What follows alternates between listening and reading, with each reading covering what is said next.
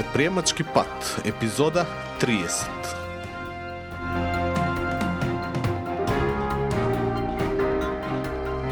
Здраво и голем поздрав до сите слушатели на Предприемачки пат, подкаст на предприемач.com, чија цел е да ви помогне во креирање на ваш собствен и уникатен предприемачки пат.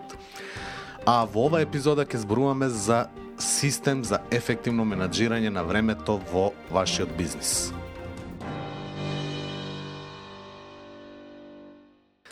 Добро, во предходната епизода на Предприемачки пат зборував за ефективно менаджирање на времето.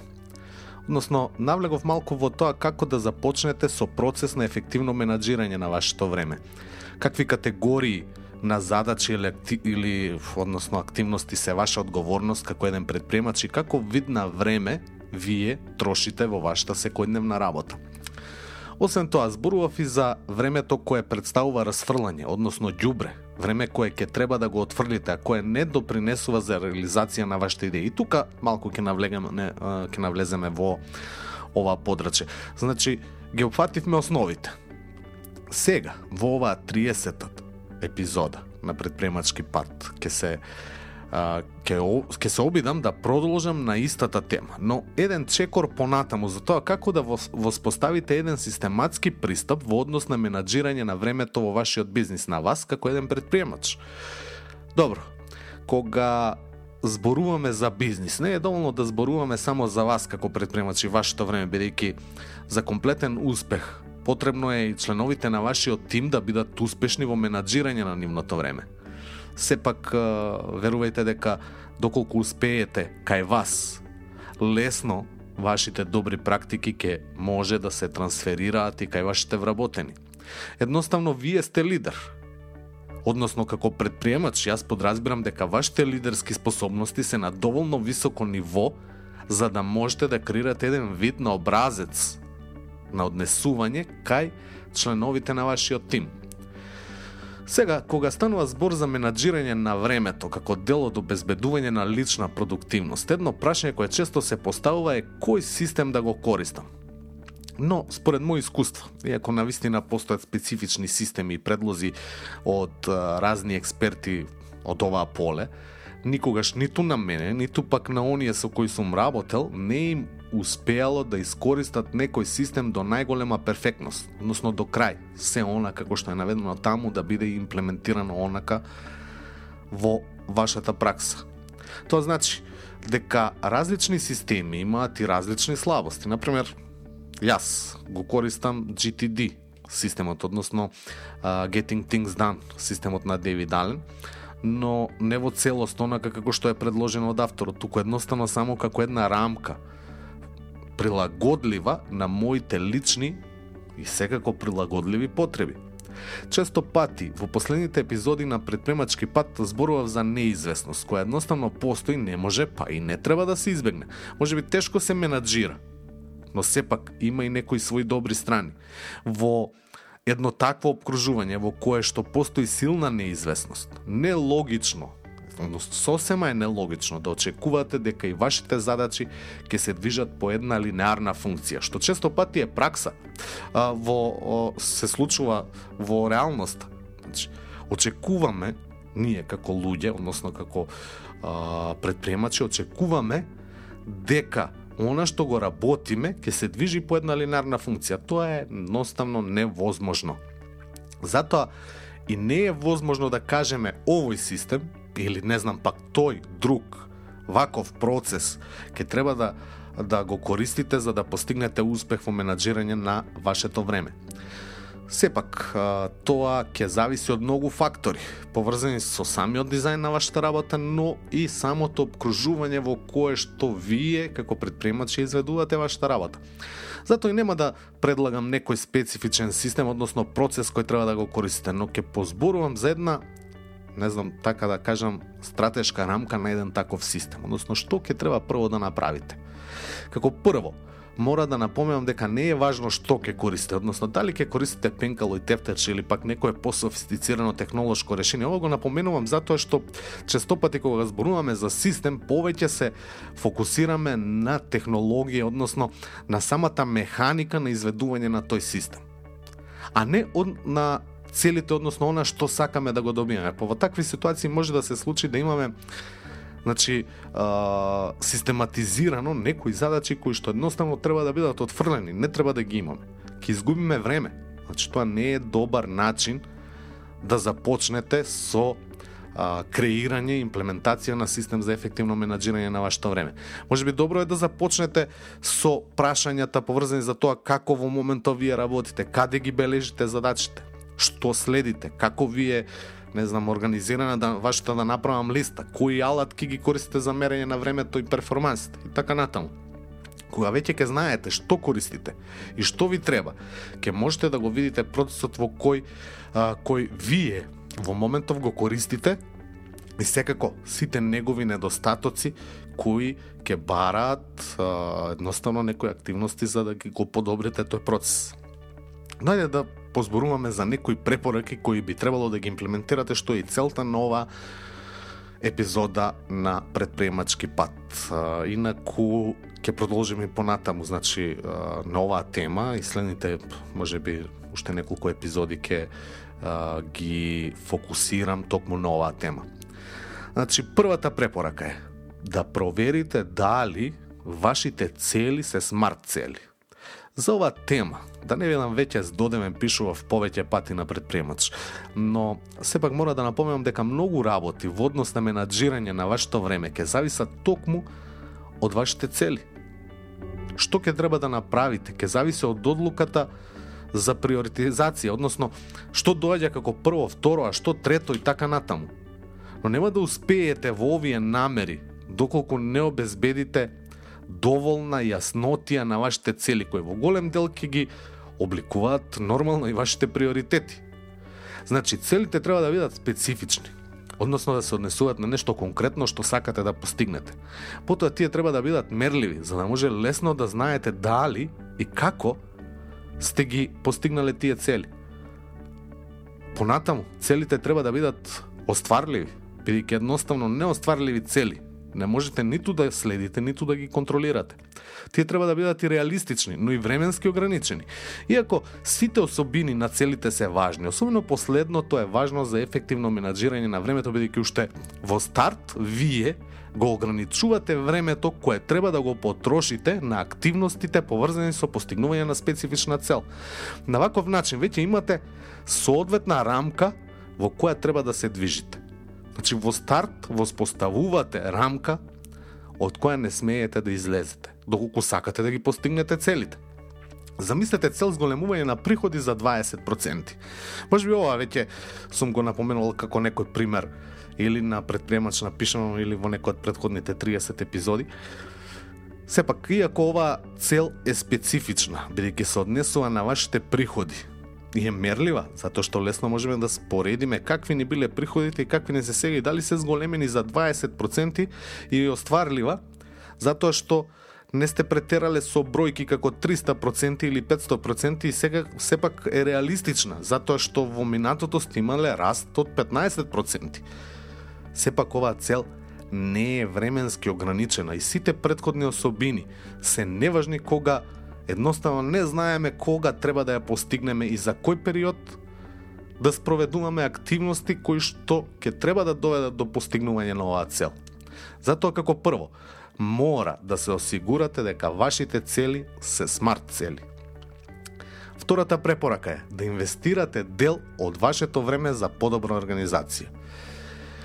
Иако така мислам следната епизода да биде повеќе насочена односно фокусирана кон организација и тука а, сепак како една препорака морам да ја офатам и организацијата. Значи не можете да очекувате дека ќе успеете во ефективно менаџирање на времето доколку не потрошите нормално дел од времето на вашиот систем за продуктивност. Честопати сакаме без да инвестираме нешто да добиеме нешто. Тоа не постои. Може би не, нема да има потреба да, да дадеме пари за да добиеме нешто. Но ќе треба да вложиме труд за да го добиеме тоа нешто. Да, да, мора да инвестирате дел од вашето време за да обезбедите дека сте доволно организиран предприемач. Сега, некои активности за подобра организација ќе бидат лесни и брзо ќе се имплементираат како што е, не знам да кажеме, средување на работната просторија. Но, некои ќе бараат и повеќе време и ќе бидат потешки за имплементација, особено ако содржат промена на некои тековни навики, што сепак мора да признам не е лесно. Затоа, мора да бидете сигурни дека а, обезбедувате доволна флексибилност во вашето време, за да имате време за некои вакви активности кои ќе обезбедат поефективно менаджирање на вашето време. Може би не денес, туку утре, задутре или по некој месец. Третата препорака е да не се обидувате да постигнете перфекционизам. Едноставно тоа е невозможно.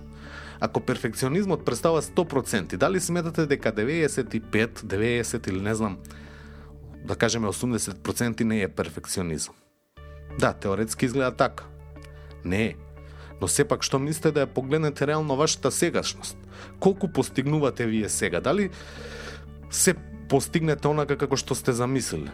Што мислите за процентите? Дали се тие 60%, 50% или пак нешто друго?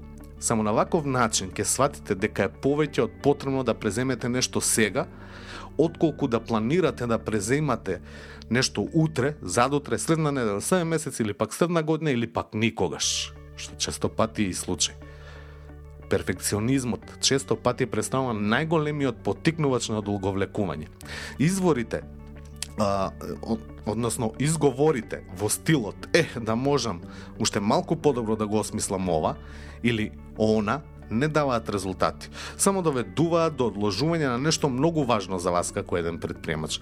Затоа, кога го креирате вашиот систем, кој ќе доведе до ефективно менаджирање на времето, внимавајте да не барате перфекционизам. Најуспешните дозволуваат и минус од 20 до 30% оддалеченост од перфектното. Потребно е она што треба да го знаете дека е потребно да бидете да биде доволно добро она за да веднаш започне да носи корист за вас како еден предприемач. Сега како четврта препорака е да го поделите вашето дневно време. Како го трошите вашето дневно време? Во предходната епизода зборував за некои категории на задачи и активности кои вие ги имате како еден предприемач. Но зборував и за една прелиминарна анализа за да откриете како ги трошите часовите во еден ваш просечен ден. Тоа беше повеќе на самата работа. Ајде сега да го земете целото деноноќе од 24 часа и да го анализирате. Какви категории на време ќе имате? Чи прво, ќе имате биолошко време, односно време во кое ќе спиете, јадете, вежбате, ќе ги извршувате основните физиолошки потреби и нормално ќе се обидете да ја одржувате на високо ниво вашето здравје.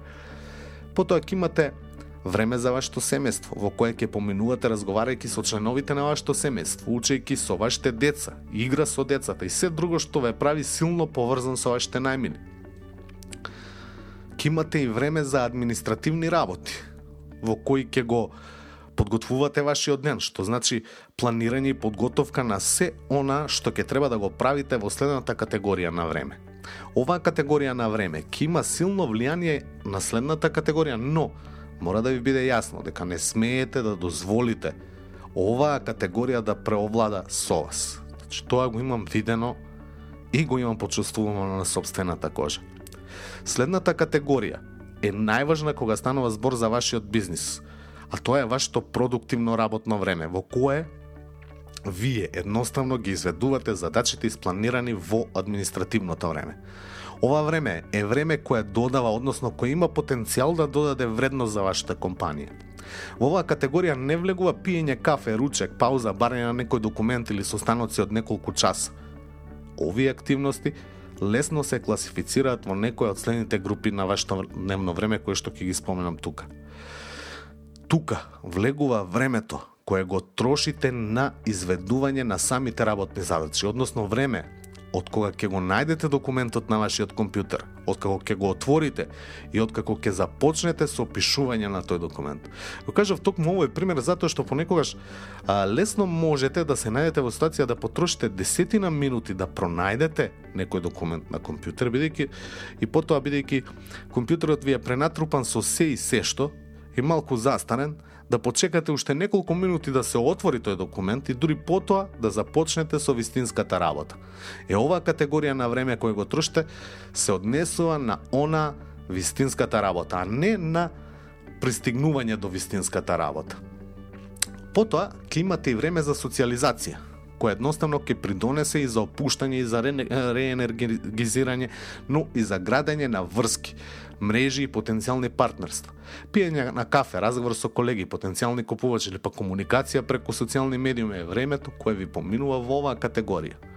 И на крај ќе имате загубено време, односно ѓубре или отпад, кој го нарекувам. Едност, оваа време кое го поминувате на состанок од неколку часа, кој може да се заврши за 20 на минути, или пак, не знам, време на гледање на омилена серија, или пак време од неколку часовно читкање по интернет, онака без никаква цел.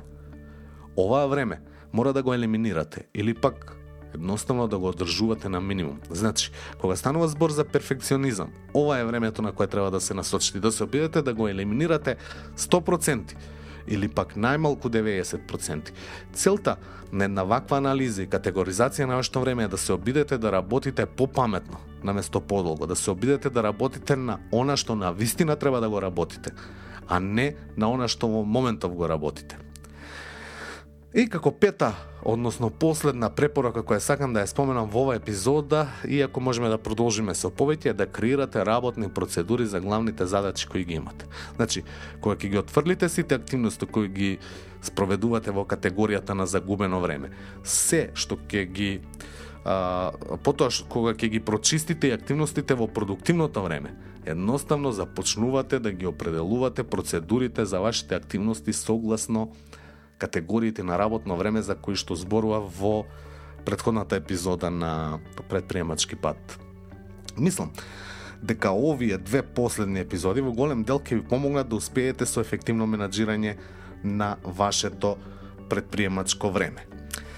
И секако за крај, само најава дека следниот подкаст ќе биде на тема како да бидете и останете поорганизиран, значи ќе продолжиме да зборуваме на темата продуктивност со цел да обезбедам еден вистински тек на информации кои ќе ви помогнат во подобрување на вашата предприемачка продуктивност. Доколку имате прашања за оваа следна тема, можете да оставите гласовна порака на www.предприемац.com коса цртичка под цаст цртичка праса на ја. Тоа е тоа за ова епизода на предприемачки пат. Се надавам дека барем малку помогнавме во расветлување на тој ваш пат. Исто така, би бил благодарен доколку го оцените овој подкаст на iTunes, така ќе помогнете истиот да биде видлив за други луѓе. Доколку веќе сте го сториле тоа, навистина ви благодарам. Прекрасни сте се до следната епизода. Запомнете, вие сте креатор на вашиот предприемачки пат, се е во ваши раце. Голем поздрав до слушање.